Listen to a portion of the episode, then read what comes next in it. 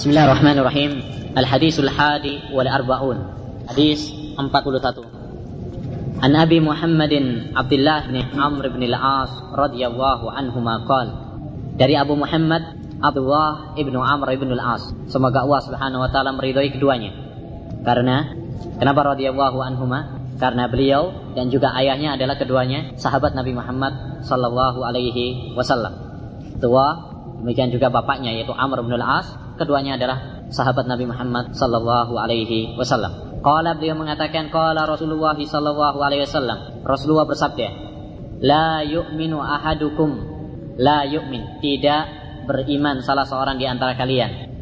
Ini makna zahirnya. Tetapi dahulu kita katakan bahwasanya penafian itu terbagi menjadi tiga. Yang pertama adalah nafyul wujud. Nafi kalau ada kata nafi la ya. Jadi yang pertama adalah nafyul wujud. Tidak ada. Bermakna tidak ada. Seperti la khaliqa lil kauni illallah tidak ada pencipta alam ini kecuali Allah Subhanahu wa taala. Di sini kita artikan tidak ada. Karena memang tidak ada yang pencipta selain Allah Subhanahu wa taala. Baik. yang kedua nafyus sihhah. Ya penafian atau bermakna tidak sah. Ya kapan itu? Kalau memang sesuatu tersebut ada. Misalkan la nikaha illa biwali. Ya. Apakah kita artikan tidak ada pernikahan tanpa wali? Apakah di sini kita artikan tidak ada? Tidak. Kenapa? Karena menyelisih kenyataan. Kenyataan ada sebagian wanita yang menikah tanpa wali. Ada nggak? Kabur, gitu kan? Nggak pakai wali, nggak pakai apa nikah. Banyak. Apalagi yang di perantauan ya, tanpa menghubungi izin kepada walinya atau yang kabur ya ini tanpa wali biasanya menikah. Ada. Karena ada berarti tidak mungkin kita artikan tidak ada pernikahan tanpa wali karena menyelisih kenyataan. Berarti kita berpindah kepada derajat kedua yaitu apa? Tidak sah. Tidak sah pernikahan kecuali dengan wali. Taib, ini derajat kedua. Derajat ketiga kalau tidak mungkin kita artikan tidak sah karena memang ibadah itu adalah sah maka bermakna apa tidak sempurna. Tidak sempurna. Seperti hadis yang dahulu, la yu'minu ahadukum hatta yuhibba li ahi ma yuhibbu li nafsih. Di sini tidak mungkin kita artikan tidak ada dan tidak mungkin juga kita artikan tidak sah. Karena seorang apabila tidak mencintai saudaranya seperti mencintai dirinya, tidaklah dianggap kafir. Berarti tidak mungkin kita artikan tidak sah. Berarti apa yang kita artikan? Kita artikan tidak sempurna tidak sempurna iman seorang di antara kalian. Karena kalau kita artikan tidak sah, berarti kalau dia tidak mencintai saudaranya seperti mencintai dirinya sendiri, berarti dia apa? Kafir. Karena tidak sah. Syarat berarti. Seperti orang kalau sholat tidak wudhu, berarti tidak sah. Karena wudhu adalah syarat sahnya sholat. Ya. Demikian juga, misalkan hadis Nabi Shallallahu Alaihi Wasallam, la sholat tapi hadratit ta'am, wala huwa yudafi'uhul. Tidak ada sholat kalau sudah hidangan sudah disiapkan. Ini kalau pas lagi tak lapar, tak makan, sudah disiapkan makanan, kemudian ada adzan. Mana yang kita dahulukan? Makan dulu ataukah memenuhi panggilan adzan? Eh, sholat. Rukun Islam kedua. Ya, ya. Tapi di sini hadis Nabi SAW menegaskan la sholat tapi hadratit ta'am. Ya, tidak ada sholat. Tapi tidak ada sholat. Apakah bermakna tidak ada ataukah bermakna tidak sah ataukah bermakna tidak sempurna? Kalau tidak ada tidak mungkin, ya kan? Karena memang ada sebagian orang yang apa? Ketika jangan siap ternyata apa? Dikumandangkan ada. Itu banyak kejadian. Baik. Kita artikan tidak sah. Berarti kalau nekat memenuhi sholatnya berarti apa? Sholatnya batal. Apakah ini artinya? Diperselisihkan para ulama. Wala huwa yudafiul ahbasan. Demikian juga tidak sah sholat. Ya, kalau kita artikan tidak sah. Orang yang menahan ya, berak atau kencing. Batan. Baik, di sini apakah artinya tidak sah ataukah tidak sempurna? Juga diperselisihkan ulama. Jumur ulama, mayoritas ulama mengatakan tidak sempurna. Kenapa? Karena orang yang melanggar tersebut, yakni kalau orang misalkan sholat dengan menahan, dia tetap dikatakan apa? Sah sholatnya, tetapi dia melakukan pelanggaran atau menyelisih sunnah Nabi Shallallahu Alaihi Wasallam. Dan yang sahih dalam masalah ini bahwasanya keadaannya diperinci, ya keadaannya diperinci. Bisa hadis tersebut wala yudafiul watan bisa bermakna nafyu sihah dan bisa bermakna nafyu al-kamal. Nafyu sihah tidak sah kapan? Kalau memang seorang tersebut menahan sampai hilang kekhusuannya. Orang nahan perak uh, sampai enggak khus enggak khusuk sama sekali. Ya. Sampai apa hilang kesadarannya. Maka di sini apa? Tidak sah. Karena tidak ada kekhusyuan. Tidak ada tumak nina yang itu merupakan roh dan pokoknya di dalam salat. Tapi kalau misalkan sedikit, kadang-kadang kita juga seperti itu ya, menahan, ada tahap seorang menahan tapi tidak terlalu. Ya, tidak terlalu. Maka ini adalah nafil kamal, tidak sempurna saja. Tapi tidak sampai membatalkan salat. Baik, hadis ini kita praktekkan. La yu'minu ahadukum. Apa artinya? Apakah tidak ada iman ataukah tidak sah iman seorang ataukah tidak sempurna iman seorang? Hah, yang mana Abdul Qahar? Nomor satu, nomor dua, nomor tiga. Tidak ada iman, ataukah tidak sah, ataukah tidak sempurna? Hah? Baik, untuk milih yang mana? A, B, C? Atau C, B, A, C? Tidak sempurna, sahih. yakni tidak sempurna iman seorang di antara kalian. Karena di sini tidak mungkin kita artikan tidak ada dan tidak mungkin juga kita artikan tidak sah. Hatta yakuna hawahu taba'an lima ji'tu bihi. Ini secara umum ya. Tapi kalau memang sampai derajat nanti insya Allah akan ada perinciannya. Hatta yakuna hawahu taba'an lima ji'tu bihi. Tidak sempurna iman seorang di antara kalian sehingga hawa nafsunya mengikuti apa yang saya bawa. Wahyu yang telah saya bawa. Hadisun hasanun sahih rawainahu fi kitabil hujjah bi isnadin sahih. Hadis hasan sahih kami meriwayatkannya dalam kitab Al-Hujjah. Al-Hujjah yakni Al-Hujjah ala tarikil mahajjah. Kitab yang ditulis oleh Syekh Abdul Fatah Nasr bin Ibrahim Al-Maqdisi. Dan kitab ini dikatakan oleh Ibnu Abdul Qawi dalam At-Tabyin fi Syarhil Arba'in, kitabun jayyidun nafi'. Kitab yang bagus dan bermanfaat. Baik. Hadis ini dihasankan oleh Al-Imam An-Nawawi rahimahullahu taala oleh karena itu beliau memasukkannya di dalam Al-Arba'in Nawawiyah ini. Tetapi Al-Imam Ibnu Rajab enggak. Beliau dalam kitab Jamil Ulum wal Hikam mengkritik hadis ini. Beliau mengatakan bahwasanya hadis ini adalah tidak sahih dan menyebutkan tiga catatan di dalamnya. Di antaranya hadis ini adalah dhaif karena ada seorang rawi yang bernama Nuaim bin Hammad Al-Khuzai. Sekalipun beliau adalah ahli ibadah dan beliau adalah orang yang ahlu sunnah tetapi beliau termasuk orang yang lemah hafalannya. Oleh karena itu para ulama ahlul hadis mendaifkannya, melemahkan hadisnya.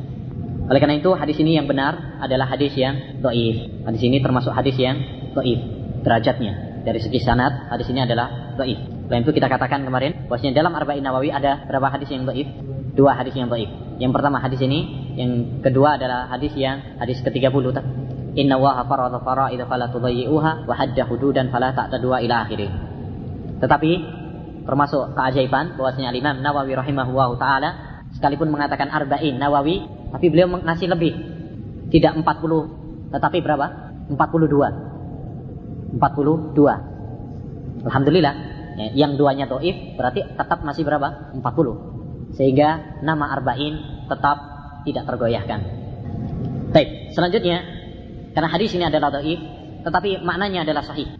Maknanya bahwasanya hendaknya seorang muslim hawa nafsunya tunduk terhadap apa yang telah dibawa oleh Nabi Muhammad sallallahu alaihi wasallam.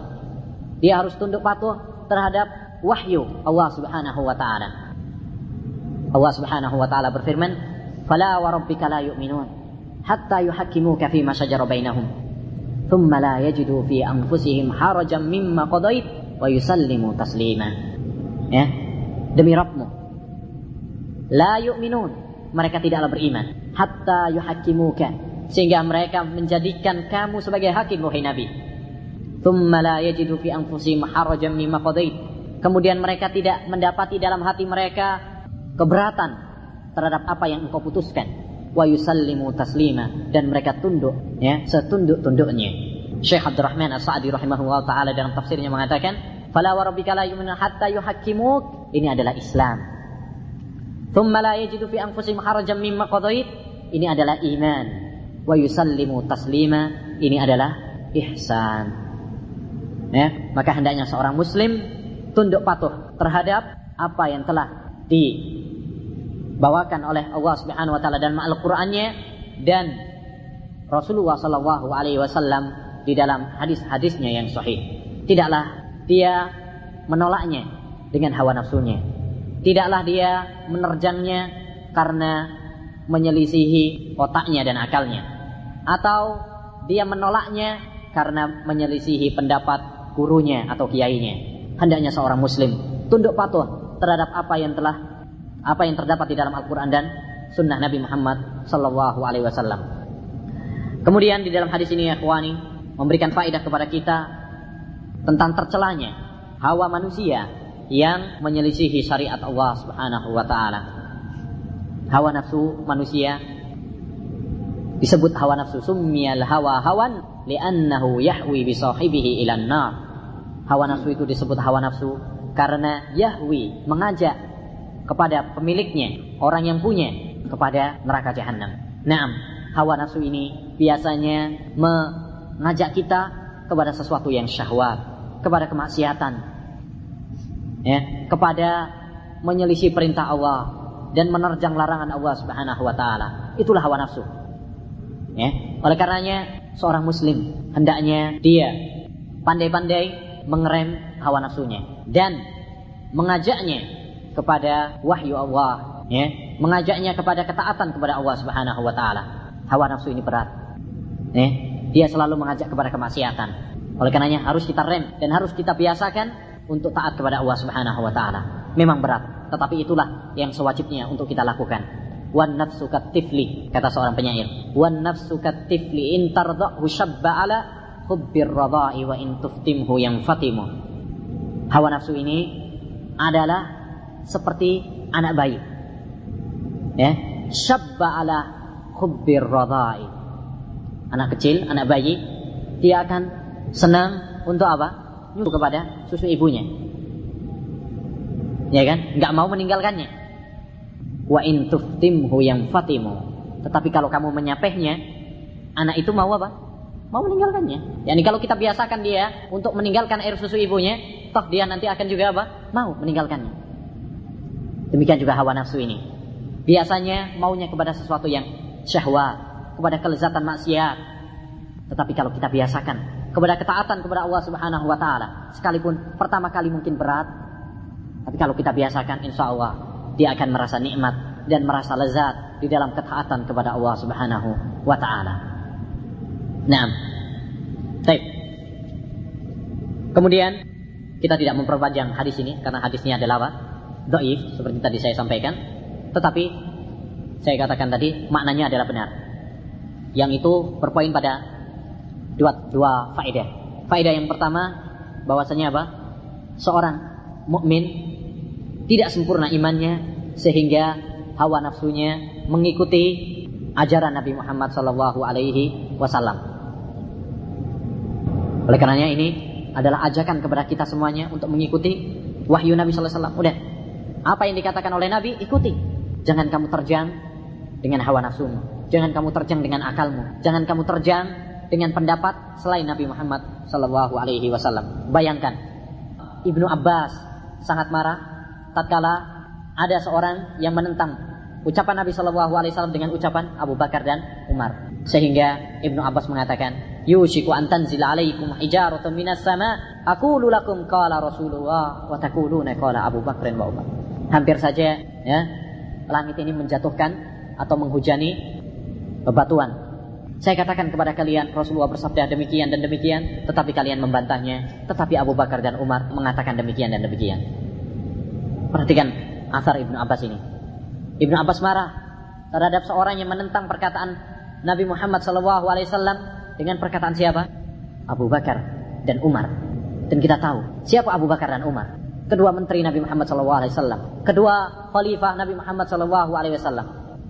Kalau demikian, marahnya Ibnu Abbas terhadap orang yang menentang ucapan Nabi SAW dengan perkataan Abu Bakar dan Umar, maka bagaimana kiranya kalau beliau mengetahui manusia pada zaman sekarang yang menentang ucapan Nabi Shallallahu Alaihi Wasallam dengan pendapat gurunya, dengan pendapat kiainya, dengan pendapat ustadznya yang sedikit ilmu pun mereka tidak memiliki.